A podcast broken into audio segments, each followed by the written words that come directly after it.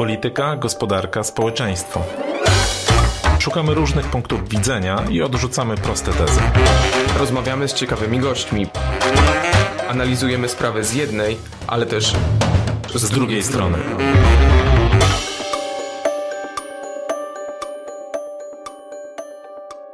Tomasz Żółciak Grzegorz Osiecki, a dzisiaj naszym gościem jest pan Krzysztof Wojczal, analityk, autor książek Trzecia dekada, w której zapowiedział atak Rosji na Ukrainę oraz To jest nasza wojna, autor strony krzysztofwojczal.pl i kanału na YouTubie. Dzień dobry. Witam Państwa, dziękuję za zaproszenie. Witam Panów. Dziękujemy, że jest Pan z nami.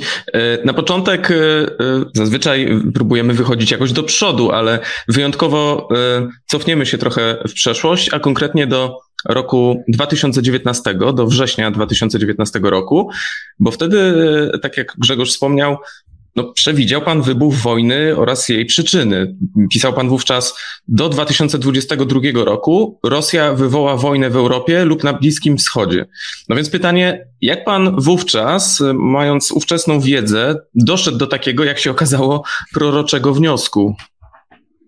E, tak, rzeczywiście tamtą analizę akurat oparłem o przesłanki czysto natury z energetyki i gospodarki.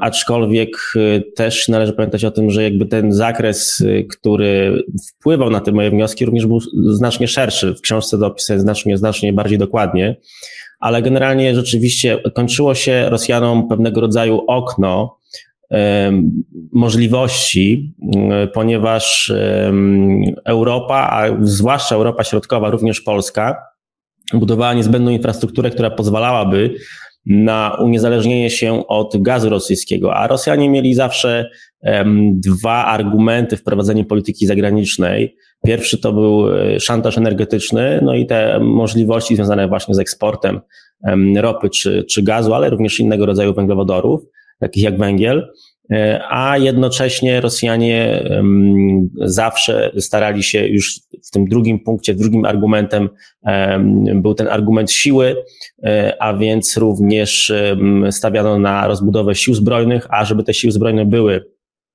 efektywne i żeby rzeczywiście były pewnego rodzaju straszakiem, one musiały być, muszą być rozwinięte technologicznie. No i oba okna tak naprawdę Rosjanom się kończyły, bo z jednej strony mm, Polska budowała Baltic Pipe, budowała łącze z państwami bałtyckimi, jeśli chodzi o mm, gazociągi. Również rozbudowujemy gazociągi na południe, e, na Bałkany, e, budowana jest również infrastruktura drogowa i no generalnie, generalnie Polska się bardzo mocno rozwija i wszerz i, i z północy na południe. E, jednocześnie łącząc cały region. E, jeszcze nasze połączenia również pod względem infrastruktury gazociągowej rozwijały się, jeśli chodzi o Ukrainę. E, to było także niezwykle istotne. Tak więc no, jakby tą, tą datę 2022 przyjąłem jako, jej geneza jest, pochodzi właśnie z daty, która miała być rokiem ukończenia Baltic Pipe, bo uważałem, że to jest bardzo, bardzo ważny i strategiczny, strategiczny projekt y, i również w, kontekście Rosji. Należy pamiętać, że Rosjanie w tej perspektywie do 2035 roku sami oceniali, że mm, będą mieli problem z wydobyciem gazu i z wydobyciem ropy na poziomie z 2020 z 2019 roku. Wówczas przypadał szczyt wydobycia.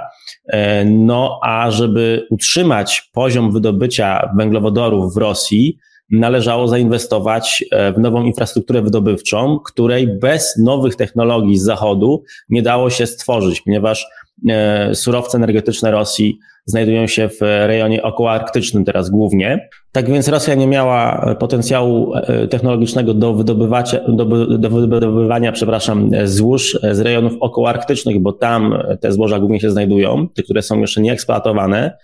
Mm, I w związku z tym do tego potrzebowali Rosjanie technologii zachodnich, których nie posiadają.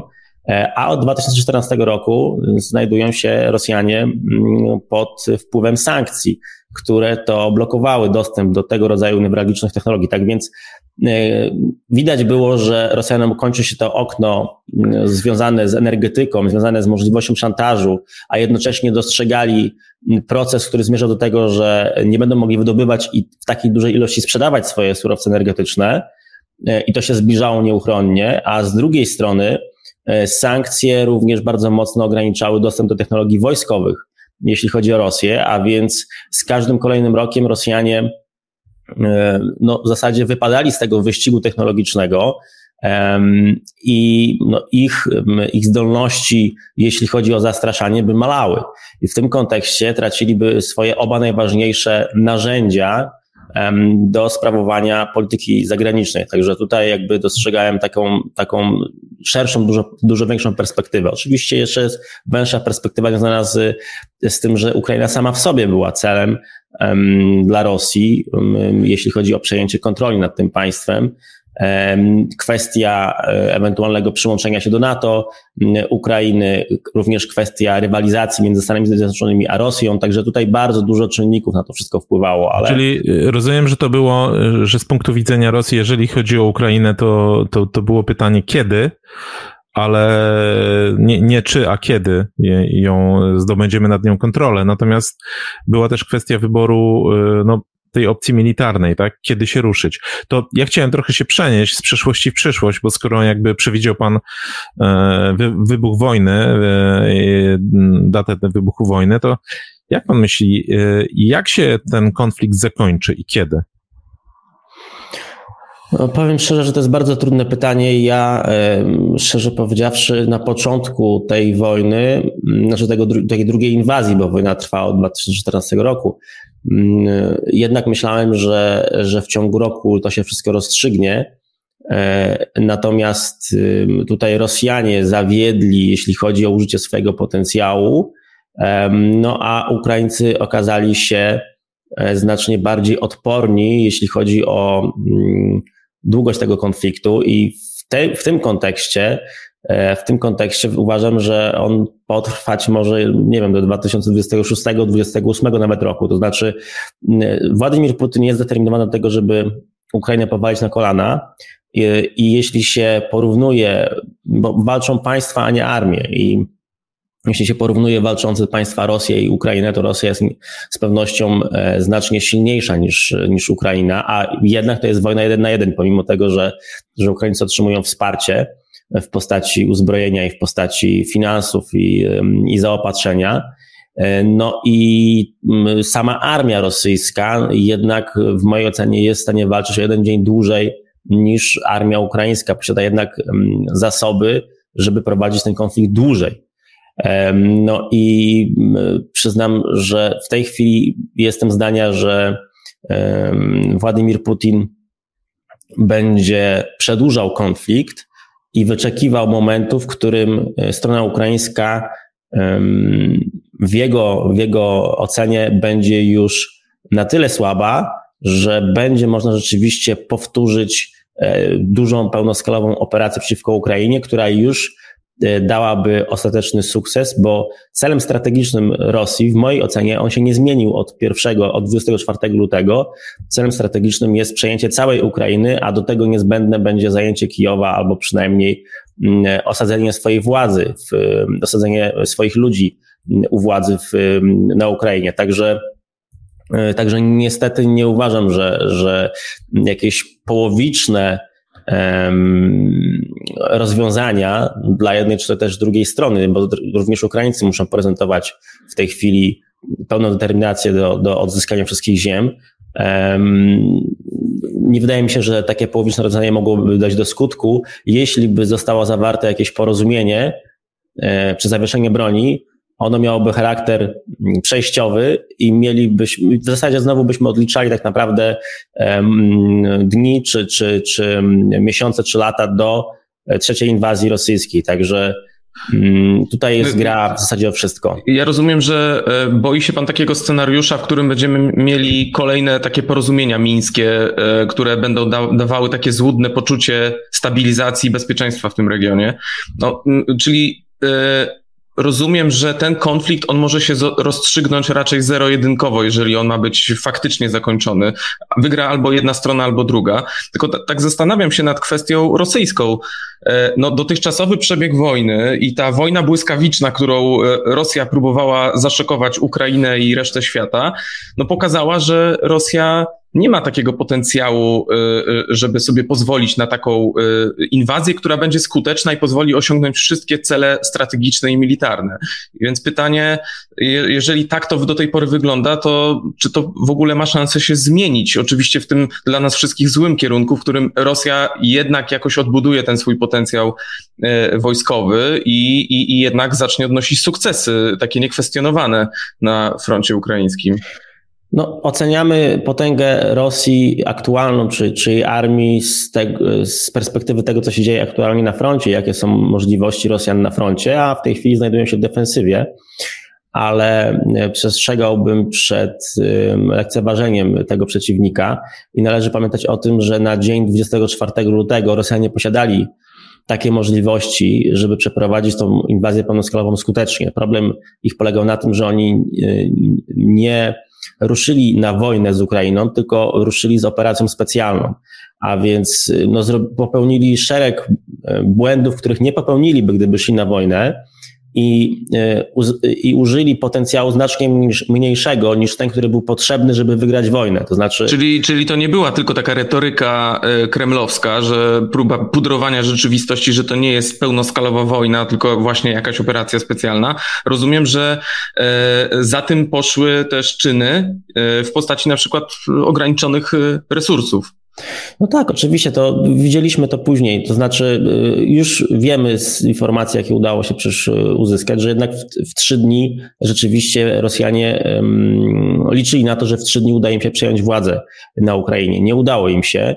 E, I widać było później po, y, po tym, jak wkraczają rosyjskie wojska, jak e, w pierwszych dniach działały, jak w późniejszych tygodniach były nieprzygotowane do, dłuższej, do dłuższego konfliktu no to, to wszystko pokazywało, że, że mm, rzeczywiście strona rosyjska e, tutaj przeceniła i nie miała, nie miała tego planu B, jeśli chodzi o to, że ta operacja wojskowa przerodziłaby się faktycznie w dużą wojnę o takiej skali, czyli na tych wszystkich kierunkach, na których Rosjanie wydali bitwę Ukraińcom, bo przecież w zasadzie e, wydali na wszystkich możliwych prawie że kierunkach, prawda? Tak, więc do tego trzeba było naprawdę użyć znacznie większej armii niż Rosjanie użyli. E, ale mieli na tamten czas takie zasoby, żeby rzeczywiście się lepiej przygotować i żeby lepiej przeprowadzić. Nawet, nawet wystarczyło, że te jednostki rosyjskie weszłyby w gotowości bojowej w zasadzie na, na, na ten na terytorium ukraińskie, bo przecież pamiętajmy, że te kolumny wkraczały i one nie były gotowe do podjęcia walki często w pierwszych godzinach e, starć czy w pierwszych dniach starć. Rosjanie nie, mm, nie używali odpowiedniego płaszcza e, przeciwlotniczego, wojska poruszały się w kolumnach, no to wszystko wyglądało nie tak, jak powinno, e, i nie tak, jak się przygotowuje.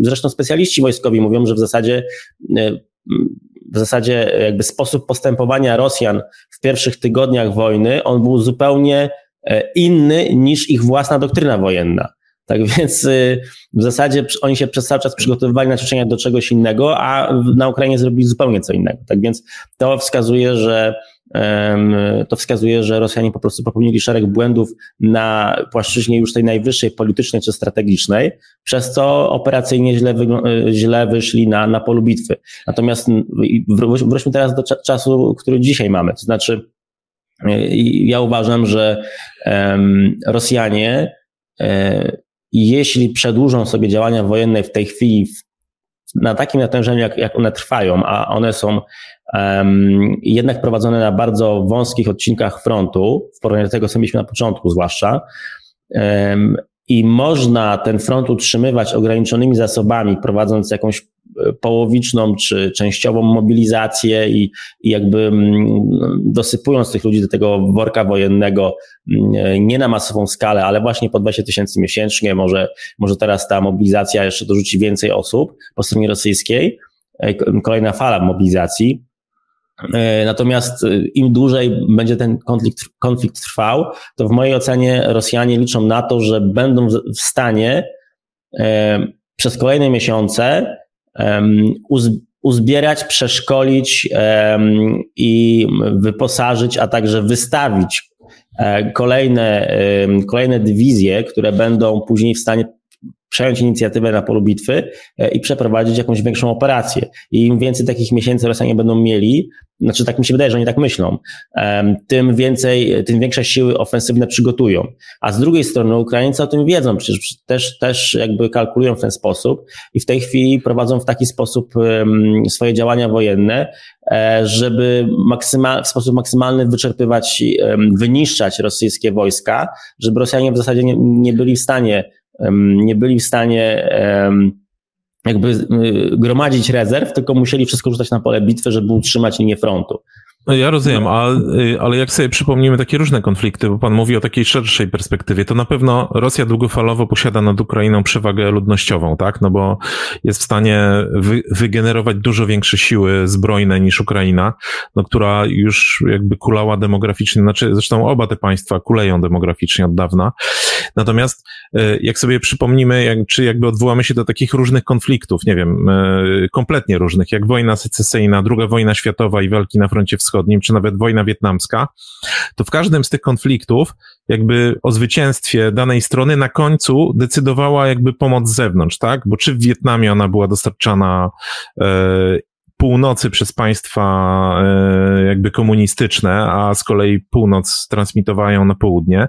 W II wojnie światowej mieliśmy e, olbrzymie, olbrzymi transfer pomocy Lend-Lease ze strony Stanów Zjednoczonych, zwłaszcza i Wielkiej Brytanii do Rosji. To były paliwa, ciężarówki, no mnóstwo rzeczy, o których się wszyscy nie zdają, a z kolei jak mieliśmy konflikt taki jak wojna secesyjna, no to tam południe zostało zduszone po takiej fazie początkowej, gdzie odniosło błyskotliwe sukcesy militarne, właśnie przez to, że y, północy udało się odizolować politycznie południe i nie dopuścić do jakiejś pomocy z Europy.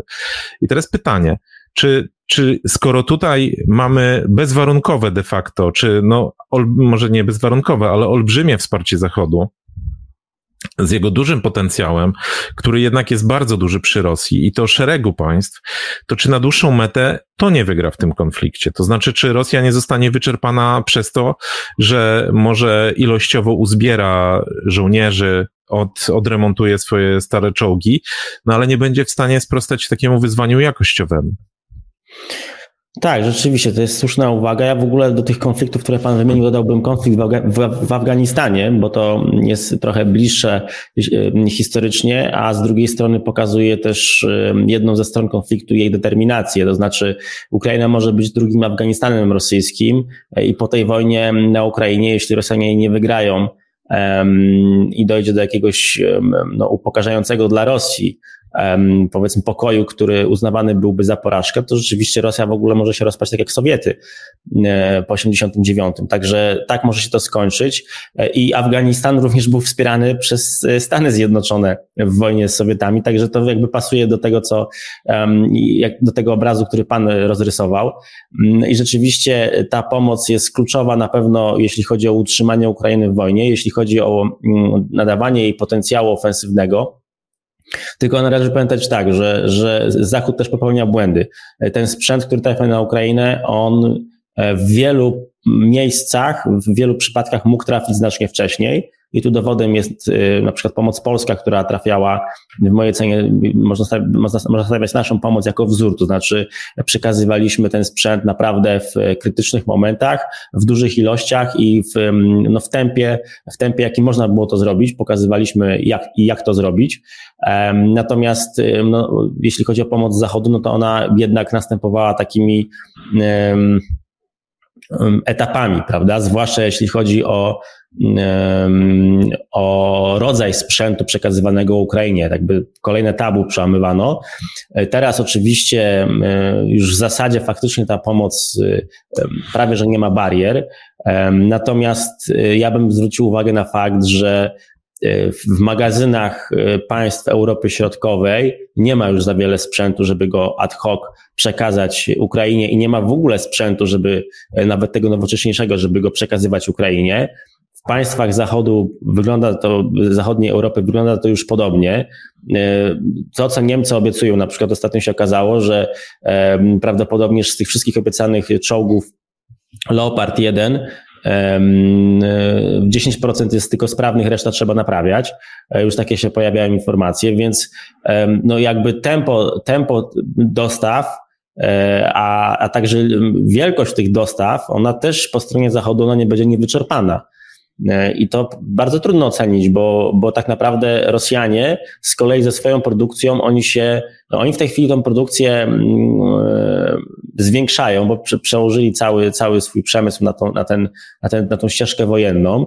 E, i oni produkują, no wiadomo, że to nie jest ta technologia, którą mieli przed wojną, do wielu części dostępu nie mają, ale pewnie sobie jakoś radzą ale w każdym razie mają produkcję bieżącą. Natomiast y, to, co przychodzi z zachodu, to jest przeważnie z magazynów. No jeśli te magazyny zostaną opróżnione,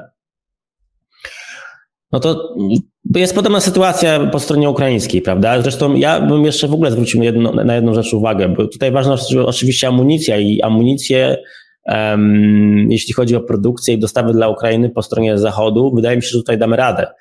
Um, ale um, zwrócił Pan sam uwagę na ten czynnik ludzki, na, na demografię, na, na wielkość populacji, zwłaszcza w poszczególnych, w poszczególnych kategoriach wiekowych. E, I to, czego nie jest Zachód w stanie dostarczyć Ukraińcom, to są żołnierze, e, prawda? Tak więc, y, a Rosjanie, pomimo swoich problemów demograficznych, no jednak to jest znacznie większa populacja. Oni w tej chwili prowadzą dużą rekrutację w Azji Centralnej, jeśli chodzi o uzupełnienie braków e, w przemyśle i w ogóle na rynku pracy. A więc tutaj uzupełniają sobie e, ludźmi z Azji Centralnej, jeśli chodzi o rynek własny, żeby, żeby utrzymać państwo w wojnie i żeby to państwo było w stanie prowadzić tą wojnę. Natomiast, natomiast też e, to widać, że się przygotowują do właśnie mobilizowania kolejnych rzeszy ludzi i kolejnych rzeszy Rosjan, którzy mieliby walczyć na froncie. I teraz ta liczba i te, i ten zasoby, zasoby demograficzne czy, czy populacyjne, one są niezwykle, niezwykle istotne, bo w okopach ktoś jednak musi siedzieć tam. Samego karabinu nie wyślemy, prawda? A to ja mam takie pytanie dotyczące e, geopolityki, e, tego układu sił, który być może na nowo się rodzi na naszych oczach. E, czy myśli pan, że jest szansa, tak jakby myślę, spora część świata by sobie tego życzyła, to znaczy, że Rosja zostanie tym tak zwanym globalnym pariasem, te, mam wrażenie, że te opinie nasiliły się ponownie po ostatnim spotkaniu Władimira Putina e, e, z północno-koreańskim dyktatorem. No, były to takie obrazki dosyć, dosyć intrygujące, gdzie mm, przedstawiciel jednego z mocarstw spotyka się właściwie na równych zasadach e, z przedstawicielem e, reżimu, który e, zmusza sporą część swoich obywateli do jedzenia trawy, tak? Więc czy, czy to jest przejaw słabości Rosji, to, że Władimir Putin musi przejeżdżać właściwie większość swojego kraju na spotkanie z Kim Jong-unem, czy jednak jest tutaj coś, o czym być może nie wiemy i rodzą się, się jakieś nowe, niebezpieczne sojusze? To znaczy, no, gdyby to tak postrzegać dosłownie, może, znaczy ja myślę, że coś w tym jest, o czym Pan powiedział, ale z drugiej strony nie stawiałbym, nie wystawiałbym ocen na podstawie tego rodzaju poszczególnych spotkań, no bo równie dobrze można powiedzieć, że Donald Trump też się w jakiś sposób upokorzył, czy upokorzył Stany Zjednoczone, bo on przecież również pojechał do Korei e, i zresztą był jedynym prezydentem Stanów Zjednoczonych, który, który stanął na terytorium e, Korei Północnej, prawda? A, a to przecież chodziło generalnie o, o rozmowy i pokazanie jakiejś woli. Tutaj akurat oczywiście chodzi o, o uzyskanie wsparcia przez Rosję, tak więc sytuacja jest nieco inna. Natomiast ja popełniłem taki tekst chyba już rok temu, albo nawet ponad, zaraz, zaraz po, po wybuchu tej drugiej inwazji, że Rosja już przegrała. I to właśnie ten tytuł ma znaczenie takie, odnosi się do tej strategii geopolityki, z tego względu, że y, to, co Rosjanie chcieli osiągnąć, myślę o tej perspektywie powiedzmy 2014 roku i, lat późniejszych, ale jeszcze przed 2022, e, ale również wcześniej, przed 2014. To, co chcieli Rosjanie i Władimir Putin osiągnąć, to jest to, żeby e, Rosja pozostała mocarstwem na przykład do końca wieku. To była taka perspektywa mniej więcej, prawda? E, a to oznaczało, że Rosja musi się utrzymać właśnie w tym wyścigu technologicznym, musi mieć, naj, mm, musi mieć na tyle sprawną armię i zaawansowaną technologicznie, żeby tej armii się bano, tego arsenału jądrowego, żeby się bano, dlatego była ta inwestycja w rakiety, w, w pociski rakietowe, w nowe technologie, w te hipersoniki i tak dalej. No i tak naprawdę Władimir Putin chciał być tym Piotrem Wielkim z, za czasów cesarstwa, caratu Rosji, to znaczy chciał wprowadzić chciał wprowadzić te, te pewnego rodzaju westernizację czy modernizację gospodarki i technologii rosyjskiej, bo tego się nie da zrobić oddolnie w Rosji, to jest za duże terytorium, za trudno jest, to tego się nigdy tak historycznie nie działo, że u nas w Polsce na przykład politycy mogli się, mogliby się w ogóle nie wtrącać, a my byśmy zrobili ten postęp w ciągu ostatnich 30 lat, taki zrobiliśmy, prawda? Zresztą często robiliśmy to pomimo e, woli naszych polityków, natomiast w Rosji e, ta modernizacja państwa zawsze musiała przebiegać odgórnie, to znaczy e, struktury siłowe, administracja, politycy musieli się za to wziąć i ciągnąć tą Rosję do góry. I mm, Władimir Putin chciał coś takiego osiągnąć poprzez również negocjacje z Zachodem, no ale jeśli siadamy do negocjacji z Zachodem, to musimy mieć jak największą pozycję, a więc z tej, z tej perspektywy trzeba oczywiście trochę poszantażować, gdzieś, gdzieś zająć Ukrainę, zwiększyć swoje mm, możliwości presji na Zachód i tak dalej, i tak dalej.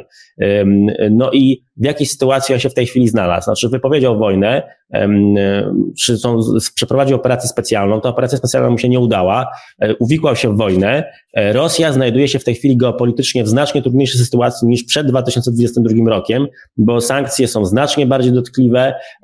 Europa, która była podatna na dostawy, na braki dostaw gazu i ropy ze strony rosyjskiej w zasadzie się już w dużej części uniezależniła od Rosji w tym zakresie. Jeśli chodzi o straszak w postaci e, tej potęgi militarnej rosyjskiej, to również przestaje mieć znaczenie, bo widać, jak Rosjanie słabną na Ukrainie, a jednocześnie Wiele państw Zachodu um, zaczyna modernizować swoje armie, choćby właśnie Europa Środkowa i Polska w tym. Um, także um, Rosjanie tracą swoje karty, są w znacznie słabszej sytuacji i w zasadzie już teraz wiadomo, że nie zrobią tego skoku cywilizacyjnego, o którym Władimir Putin myślał i, w, i ich przyszłość, ja moim zdaniem oni, to już jest klęska, to już jest klęska Rosji, tylko jest pytanie, e, kiedy nastąpi kolaps, i kogo jeszcze Władimir Putin zdoła za, za sobą pociągnąć na dno. E, no i oczywiście tutaj oczywiście, tą pierwszą ofiarą jest Ukraina. E, natomiast e, wyobraźmy sobie sytuację, w której jest już po wojnie, no i ktoś może powiedzieć, no dobra, ale jak będzie business as usual i znowu będziemy się dogadywać z Rosjanami, bo mo, może taki scenariusz jest, jest, taki, jest takie zagrożenie, no to znowu będą dostawać technologie, znowu będą się rozwijać i rzeczywiście dokonają tego skoku. Tylko to w mojej ocenie jest już niemożliwe, ponieważ Wiarygodność jest walutą na arenie międzynarodowej. Nawet Niemcy e, już wiedzą, że e, z Rosjanami nie da się współpracować.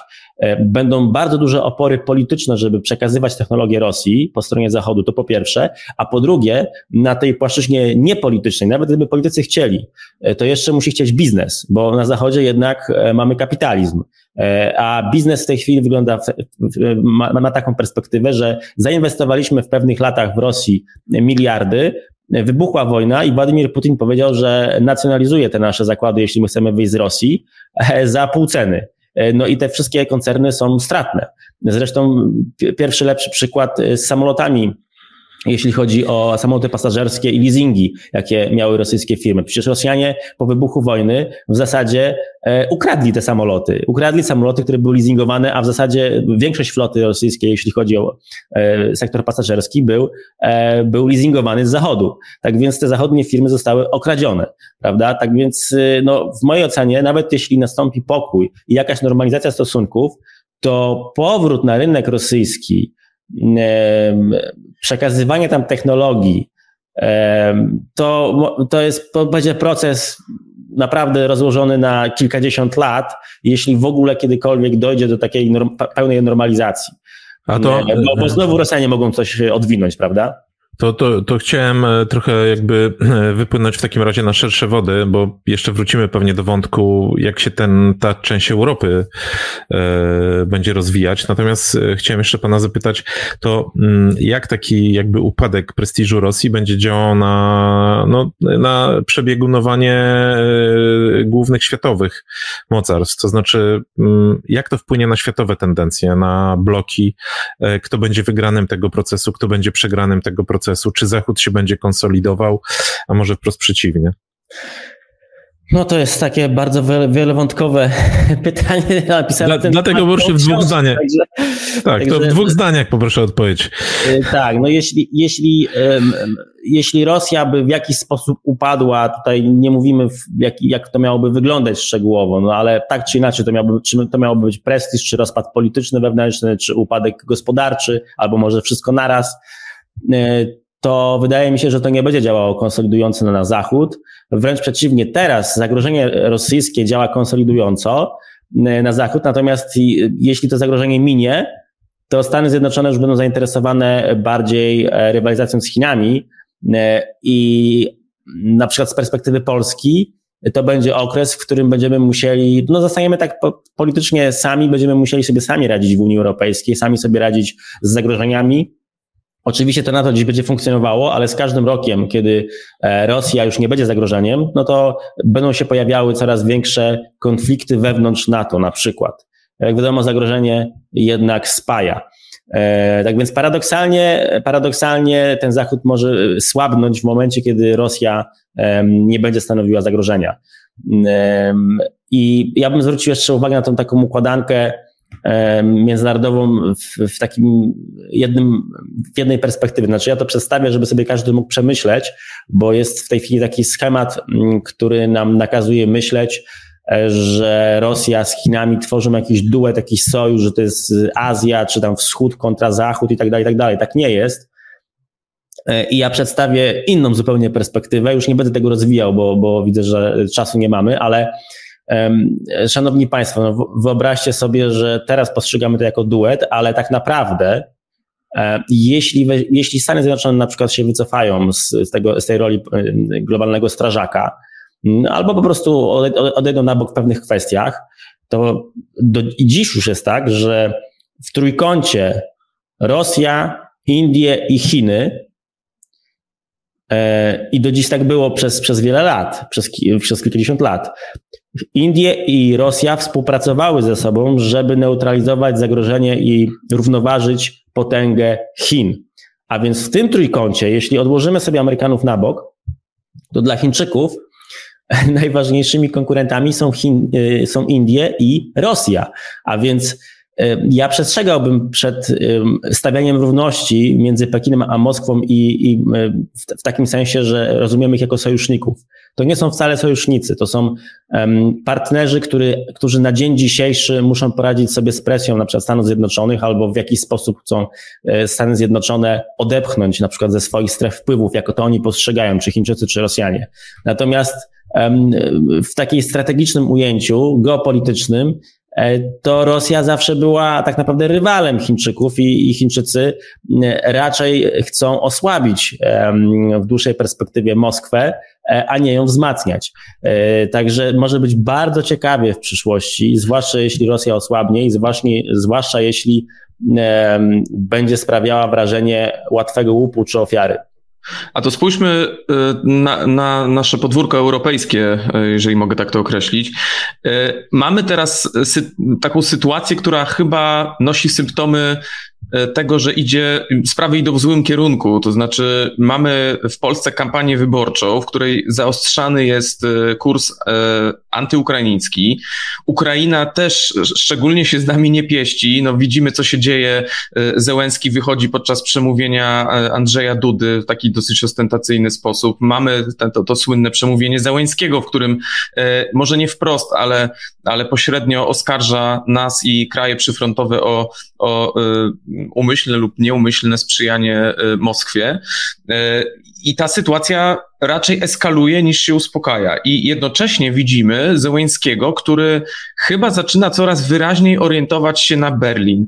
Na Berlin, który przecież przez tyle miesięcy, w przeciwieństwie do nas, prowadził delikatnie mówiąc, ambiwalentną politykę, jeżeli chodzi o e, stosunki Rosja-Ukraina.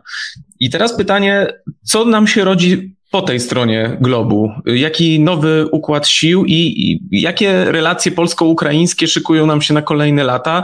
No bo na razie to się wydaje, że ten okres braterstwa, miłości, no już gdzieś tam prysł.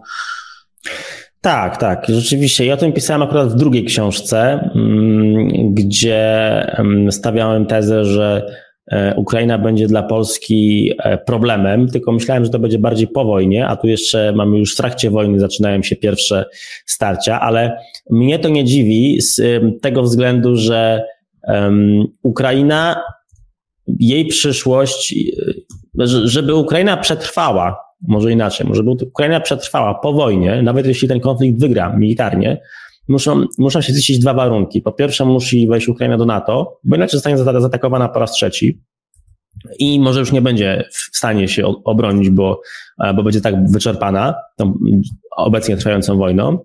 I druga przesłanka jest taka, że musi wejść do Unii Europejskiej, żeby uzyskać e, finansowanie na odbudowę państwa bez pomocy z zewnątrz. E, Ukraina się nie odbuduje, Naprawdę to będzie państwo e, bez pomocy zewnątrz finansowej i w zakresie tej odbudowy Ukrainy upadłe i one w zasadzie wcześniej czy później znowu stanie się ofiarą Rosji, tak czy inaczej. Tak więc e, nawet pod względem wpływów, nie, nie, nie, nie konkretnie inwazji. Tak więc e, muszą zagwarantować swoje bezpieczeństwo na płaszczyźnie politycznej czy militarnej, ale również na płaszczyźnie gospodarczej. I drodzy Państwo, no, kto kto może zawetować wejście Unii do, kto jest najważniejszym graczem w Unii Europejskiej, kto ma najwięcej do powiedzenia i kto tak naprawdę może dać zielone światło i Ukraina się znajdzie w tej Unii Europejskiej. To jest Berlin i było wiadomo, że wcześniej czy później Ukraińcy będą musieli e, porozumieć się z Niemcami. Mało tego, w przyszłości Niemcy w największym pewnie stopniu spośród Europejczyków będą finansować odbudowę mm, Ukrainy. Także to jest proces, który mm, e, którego się można było spodziewać i który musimy też przyjmować z pewnego rodzaju spokojem z tego względu, że w naszym interesie jest, żeby Ukraina się jednak odbudowała, a więc w naszym interesie jest, żeby się spełniły te dwa, dwie łączne przesłanki, żeby oni weszli do NATO i weszli do Unii Europejskiej. A jeśli, i teraz obróćmy to w drugą stronę, jeśli Niemcy widzieliby, że Ukraina jest sojusznikiem politycznym Polski i wchodząc do Unii stałaby się dla Niemców problemem w tym kontekście, że już nie, nie musieliby przegłosowywać tylko Polski czy Węgier, ale doszła do tego jeszcze Ukraina. A może i e, na tej osi e, Kijów-Warszawa stałby się to jakiś taki kręgosłup jakiejś większej, większego sojuszu politycznego, wewnątrzunijnego w całym Trójmorzu, no to przecież Niemcy by się na taki wariant nigdy nie zgodzili. Tak więc oni się zgodzą na wejście y, Ukrainy do Unii Europejskiej tylko w sytuacji, w której będą się czuli bezpieczni i będą czuli, że mają kontrolę nad Kijowem.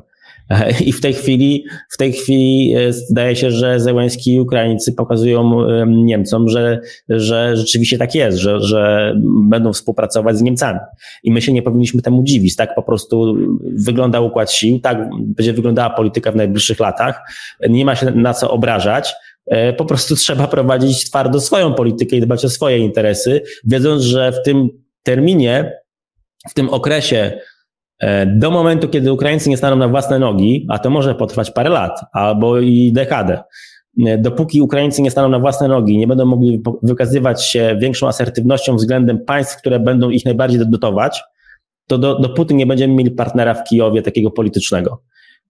Na pewno współpraca wojskowa będzie przebiegała, będzie budowana, już jest budowana, bo w interesie Ukrainy jest to, żeby Polska była takim partnerem właśnie na płaszczyźnie bezpieczeństwa z, uwagi na wschód, bo my tu jesteśmy najbardziej wiarygodni, tutaj na Niemców nie ma co polegać, ale na płaszczyźnie politycznej na płaszczyźnie politycznej spodziewałbym się właśnie raczej, raczej tego, że Ukraińcy będą e, stawiać na Berlin, a Berlin będzie wymagał od, Ukraińców, żeby, żeby wywierać presję na Polskę. No tak po prostu wychodzi z matematyki.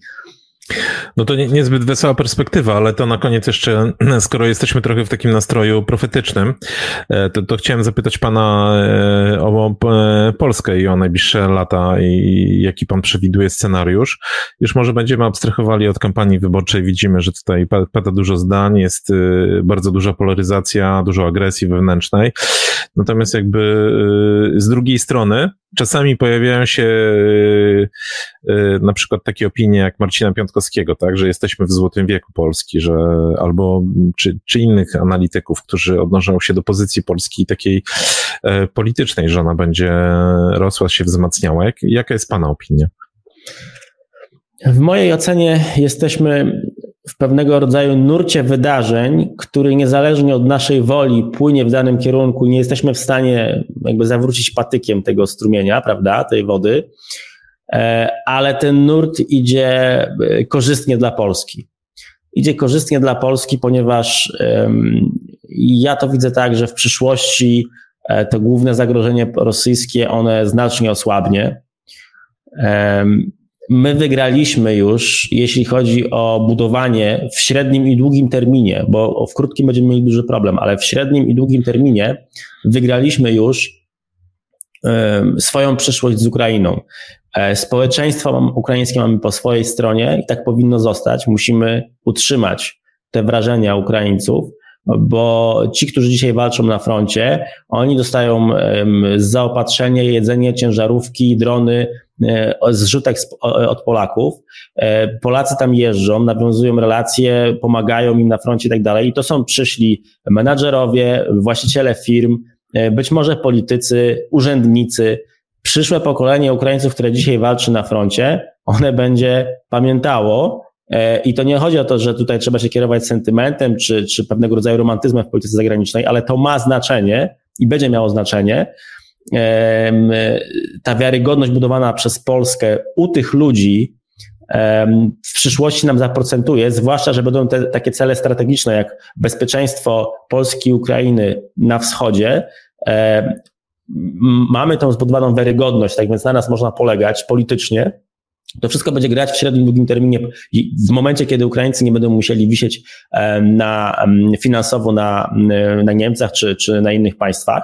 Tak więc przyszłość ja tutaj widzę w tych relacjach taką pomyślną dla Polski, a jeśli tak, e, to po tym bardzo trudnym okresie przyszłych kilku lat, może dekady, Polska naprawdę będzie miała szansę zbudować sobie no takie polityczne rzeczywiście środowisko, które będzie jej sprzyjało i które będzie dawało jej siłę do tego, żeby, żeby nie tylko stawać ością w Unii Europejskiej, jeśli chodzi o inicjatywy, które na przykład nie są w naszym interesie, ale być może będziemy w stanie jakoś modelować kierunek, w którym będzie się rozwijała Unia Europejska.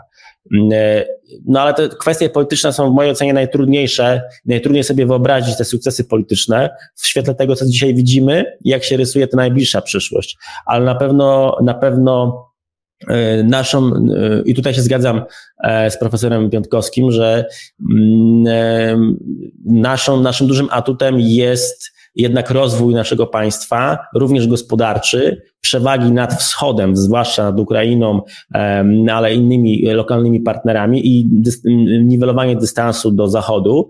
E, I to będzie nam procentowało w przyszłości. Oczywiście budowa silnej armii to jest warunek sine qua non do tego, żebyśmy cokolwiek zbudowali tutaj w przyszłości. Jeśli nie będzie tej armii, jeśli dzisiaj nie zainwestujemy w tą armię, którą, którą chcemy zbudować, jeśli jej nie stworzymy, to możemy zapomnieć o, o strukturach politycznych, o których mówiłem. Możemy zapomnieć o o budowaniu, o budowaniu jednocześnie jakiegoś sojuszu gospodarczego w regionie, bo to się wszystko łączy, prawda? No jeśli mamy, jeśli możemy zbudować sojusz polityczny bezpieczeństwa, to możemy zbudować polityczny, jeśli polityczny, to możemy współpracować gospodarczo, to wszystko ze sobą bardzo wiąże, a czy gospodarka rozwijająca się, czy współpraca gospodarcza z innymi państwami pozwalają później łatwiej prowadzić politykę, także no musimy niestety w każdym, z, każdej z tych dziedzin myśleć długofalowo i bardzo dużo inwestować. Dziś jest czas na inwestowanie i zgadzam się z tym też poglądem, o którym też wspomniany Marcin Piątkowski mówił, że e, jeśli mamy wydawać pieniądze duże, to dzisiaj, e, bo jutro może być za późno, e, a to dziś musimy zbudować sobie, dokończyć projekty infrastrukturalne, które są jeszcze w rozwoju, E, również energetyczne, ale również drogowe, kolejowe. Musimy mieć nowoczesne państwo pod względem infrastrukturalnym. E, musimy, musimy mm, nawet kosztem zwiększenia długu rozbujać naszą gospodarkę, żeby jeszcze, jeszcze trochę pochulała parę lat e, i oczywiście zbudować koniecznie te siły zbrojne. To jest naprawdę bardzo ważny projekt. Musimy niestety kończyć, ale dziękujemy za tę dogłębną i ciekawą analizę, e, zarówno w tym wymiarze światowym, globalnym, jak i tym naszym tutaj europejskim, czy w tej części Europy. E, mam taką propozycję na koniec, że może spotkajmy się w tym samym składzie na przykład za rok, może za dwa lata e, i, i wtedy ocenimy, na ile profetyczna była ta nasza rozmowa. Dziękujemy za dziś. Naszym i Państwa gościem był pan Krzysztof Wojczal, analityk, autor książek takich jak między innymi Trzecia dekada, w której, jak wspomnieliśmy, zapowiedział pan atak Rosji na Ukrainę w 2022 roku. I miejmy nadzieję, że właśnie na, na łamach naszego, naszej audycji, naszego podcastu właśnie zapowiedział pan jej koniec i tego sobie chyba wszyscy możemy życzyć. Dziękujemy bardzo za wizytę w naszym podcaście.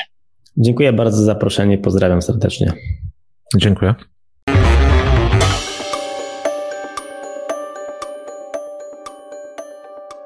A w drugiej części porozmawiamy no, o bieżących politycznych kwestiach. Jedną z takich istotnych kwestii, która e, gdzieś tam cały czas pulsuje w kampanii, jest jednym z takich głównych nurtów, przynajmniej w mediach, to jest kwestia e, afery wizowej. Co z tego będzie? Bo jakby opinie są dosyć sprzeczne. To znaczy, opozycja, widać, że opozycja jakby wzięła aferę na sztandary i e, bardzo ostro atakuje PiS e, w, w tych kwestiach. Natomiast z drugiej strony, no jak się rozmawia z PiSem, to PiS próbuje bagatelizować, tak? Już pomijam to, że to nie, nie afera, aferunia, czy jak, jakoś tak. A z drugiej strony, no, e, jest taki przekaz, że to nie dociera do elektoratu. To dociera czy nie dociera? Czy jeżeli chodzi o to bagatelizowanie przez PiS, to mi osobiście wydaje się to ma, ma, mało wiarygodne, bo ja zgadzam się z tym, co mówił nam profesor Maciej Duszczyk y, w, kilka dni temu w wywiadzie dla Dziennika Gazety Prawnej, że początkowo rzeczywiście to mogło się wydawać jako afera, która jest przeskalowana, jeżeli chodzi o, o, o to, jak się o niej opowiada, zwłaszcza przez opozycję. No ale od y, momentu, kiedy komunikat MSZ-u się ukazał, w którym e, wskazano, że wypowiadane są wszystkie umowy ze wszystkimi firmami, do których wyoutsourcowano część tej, procedury wizowej i e, w ramach której zarządzono audyt niewybranych, ale wszystkich placówek konsularnych, no to można nabrać wątpliwości, czy rzeczywiście to jest jedynie aferka, chociaż prezes PiS nawet nie chciał jej aferką nazwać. Y, y, więc y, wydaje mi się, że afera jednak jest. Pytanie jest tylko o, o, jej skalę i reperkusje, bo e, im dłużej tkwimy e, w tej dyskusji o e, aferze wizowej i odsłaniane są jej kolejne kulisy, tym bardziej ta sprawa eskaluje i to nie tylko na naszym krajowym podwórku, gdzie wiadomo, mamy kampanię wyborczą i, i wszystkie rzeczy są polityczne, przesadzone, pojawia się wiele takich hiperboli. Przecież widzimy, jakie są też reakcje Zachodu reakcje e, Brukseli, reakcje Waszyngtonu, e, no, to, to, problem e, z polskimi wizami jest postrzegany jako problem z wizami ogółem w Unii Europejskiej, bo jednak wiza wydana przez polską administrację no jest wizą, która no, po prostu otwiera dostęp do, do krajów członkowskich, więc widać, że ta sprawa postępuje.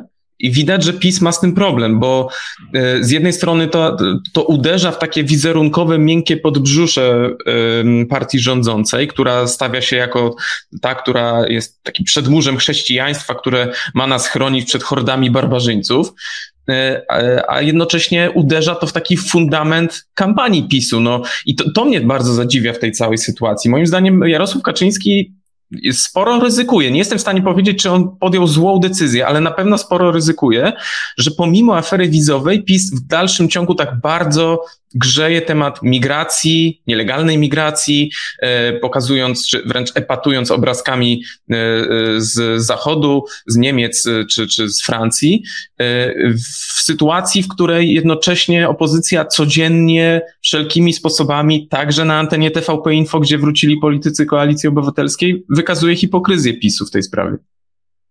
Znaczy, ja mam takie obawy, że konsekwencje całej tej awantury będą znacznie większe niż faktyczny zasięg tej afery wizowej. Dlatego, że mm, wiele tych działań, o których ty mówiłeś, ja postrzegam jako takie działanie stricte kampanijne. To znaczy takie, że jak coś się, jak się zaczyna jakiś problem, to wtedy w ogóle odcinamy się od e, wszystkich możliwych e, źródeł, czyli stąd wypowiedzieliśmy umowy wszystkim firmom, które zajmowały się pośrednictwem wizowym, a to są firmy międzynarodowe, tak? Wiele z tych firm pracuje także na rzecz jakby jakby innych państw i to jest no, przyjęty na zewnątrz sposób postępowania. E, to jest, znaczy, wydaje mi się, że na dłuższą metę to PiS pada tutaj ofiarą takiej swojej polityki, e, e, która polegała na tym, że jakby róbmy migrację, ale o tym nie mówmy. No bo prawda jest taka, że od połowy tamtej dekady kiedy zaczęło gwałtownie spadać bezrobocie, było widać, no, że Polska dalej nie pojedzie bez dużej e, pomocy imigrantów zarobkowych z innych krajów. I oczywiście na początku to byli Ukraińcy i Białorusini, no ale z czasem się okazało, że jest ich za mało. Była praca na oświadczenia dla jakby pracowników z krajów e, sześciu krajów byłego ZSRR, tam między innymi e, to, to, to była też Białoruś, ale też e, w to jeszcze podpadała Rosja, zdaje się nawet, ale Gruzja, Armenia. E, natomiast, natomiast jakby to się zaczęło rozwijać, tak? I na początku tej dekady zaczęła się presja pracodawców, bo to źródło ukraińskie zaczęło wysychać trochę. I z tego punktu widzenia, no to ja rozumiem, a jednocześnie mieliśmy sytuację, w której e, takie dokumenty strategiczne, w których państwo świadomie planuje politykę migracyjną, znaczy zastanawia się, jaki model migracji chce w ogóle u siebie zaproponować. Czy to ma być taka migracja jakby stricte pracowników sezonowych, jaką e, widać preferuje rząd. To znaczy, że ktoś tu przyjedzie, popracuje rok czy dwa i wyjedzie, czy może migracja jakaś długofalowa, integracyjna, że tu nie było takiej dyskusji, bo y, jak się pojawiały jakieś dokumenty, to były one chowane do szuflady jak były e, takie duże ustawy ułatwiające migrację, właśnie z takim wątkiem osiedleńczym, który miał być skierowany no, na przykład do Ukraińców, to też w końcu te rozwiązania nie weszły. W zasadzie skończyło się na tym, że przedłużyliśmy pracę na oświadczenia e, do, do dwóch lat, z pół roku, no co jest jakąś pomocą znaczną, no ale to powoduje, że, że to wszystko się rozwija właśnie na dotychczasowych zasadach i trochę tak na dziko, więc a teraz ta cała wielka wojna migracyjna i to zamieszanie, no najpierw podnoszenie przez PiSu kwestii nielegalnej migracji, w ogóle zagrożenia migracyjnego, a potem też te hiperbole opozycyjne, doprowadzą do takiej sytuacji, że y, kolejnemu rządowi, bez, bez względu na to, kto to będzie, to ciężko będzie podjąć jakąś racjonalną dyskusję na temat modelu polskiej migracji, a jednak y, nasz rynek pracy y, no, będzie potrzebował kolejnych osób. I to też był taki wywiad, y, który zrobiliśmy z Maciejem Duszczykiem, ale to, to był wywiad latem, kiedy on mówił o tym, że ten polski model migracyjny się wyczerpuje, ten dotychczasowy, że potrzebne jest jakieś być może nawet przystopowanie tego ruchu, ale pomyślenie o tym, o kilku krokach, co dalej. No i to jest fundamentalny błąd e, obecnej ekipy rządzącej, że e, choć wiemy, że potrzeba rąk do pracy, choć wiemy, że polska gospodarka, która była e, rozgrzana może nawet momentami za mocno, e, no, potrzebowała tych rąk coraz więcej, a jednocześnie nie byliśmy w stanie wypracować jednego spójnego dokumentu czy strategii, który by, tak jak wspomniałeś, określał, co my chcemy od tych ludzi, kogo chcemy sprowadzać, czy tylko te osoby, czy e, ich rodziny, żeby dać im perspektywę do tego, żeby się tu osiedlić, czy nie. E, w tym kontekście przypomniałem sobie wywiad, który miałem okazję zrobić w lipcu z prezesem Hyundai Engineering Poland, E, panem Seungiem Dong Lee, mam nadzieję, że nie kaleczę e, nazwiska.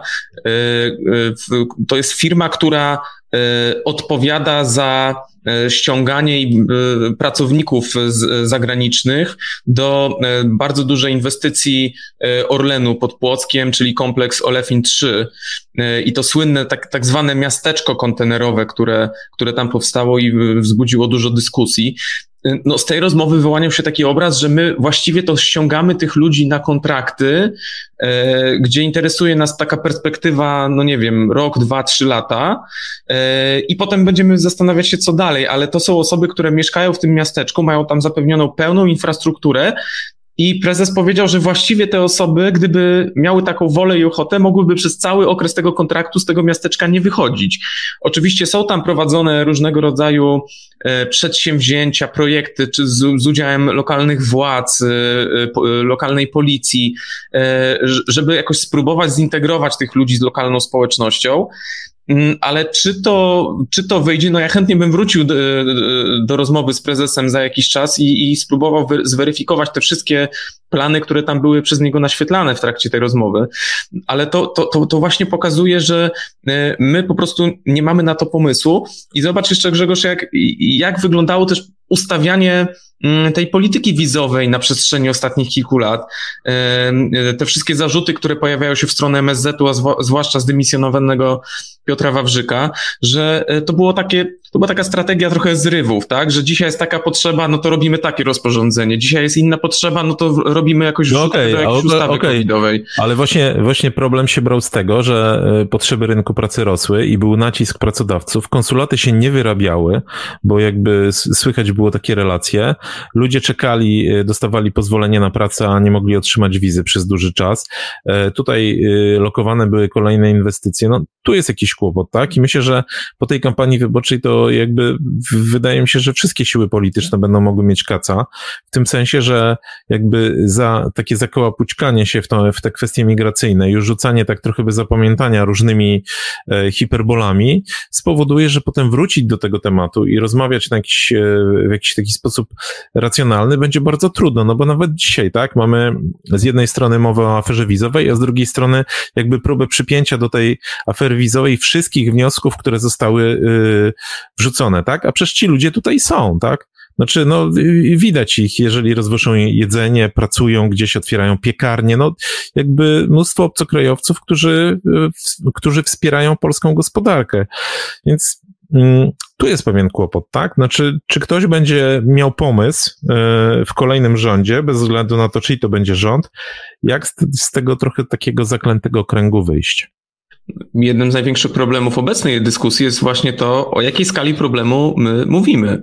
Bo tak jak zauważyłeś, opozycja moim zdaniem e, przeskalowuje ten problem i, i stosując tę taką e, e, kalkę, że 250 tysięcy wydanych wiz, z taką niewy, niewypowiedzianą sugestią, że to mogą być w większości wizy wydane w sposób patologiczny, nielegalny, no powoduje, że mm, opozycja bardzo łatwo dochodzi do wniosku, że to jest największa afera XXI wieku.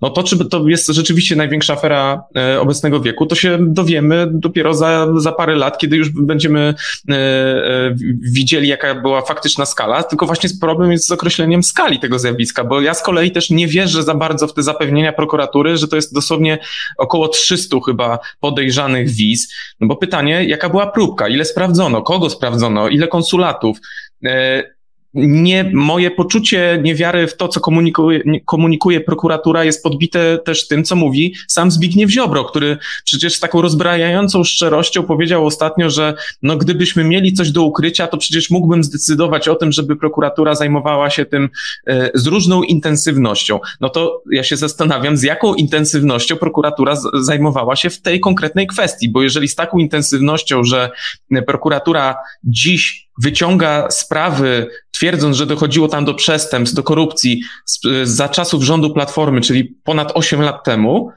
no to ja się zastanawiam, kiedy i czy my się dowiemy o skali e, obecnego problemu. No tylko umówmy się, w czasach rządów PO jakby skala y, takiego ruchu pracowniczego do Polski była bezporównanie mniejsza niż teraz. To jest jedna rzecz.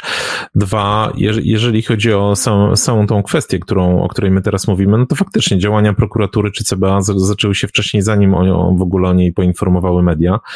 Y, no sami opisywaliśmy też, Zbigniew Parafianowicz y, i my poniekąd, że y, próbował minister Wawrzyk y, naciskać na konsulów, ale napotkał opór. No po prostu w pewnym momencie zadziałały wewnętrzne procedury y, MSZ-owskie, no bo bo jakby to jest, yy, ci ludzie zorientowali się, że ktoś im próbuje tutaj uszyć buty, tak? Więc jakby gdzieś tam ta patologia została wyłapana. Natomiast najważniejsze jest to, żeby z tym jakby, żeby nie wylać tutaj dziecka z kąpielą, jeżeli chodzi o politykę emigracyjną, a my dzisiaj w zasadzie jesteśmy bardzo blisko tego punktu, balia jest przepełniona i za chwilę to wszystko może się wylać. Mamy nadzieję, że tak nie będzie.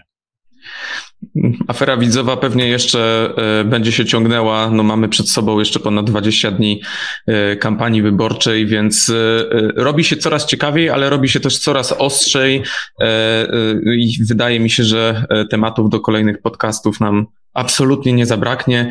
Oczywiście już dziś zapraszamy na kolejne odcinki. Dziękujemy za dziś. Tomasz Żółciak. Grzegorz Osiecki. Do widzenia.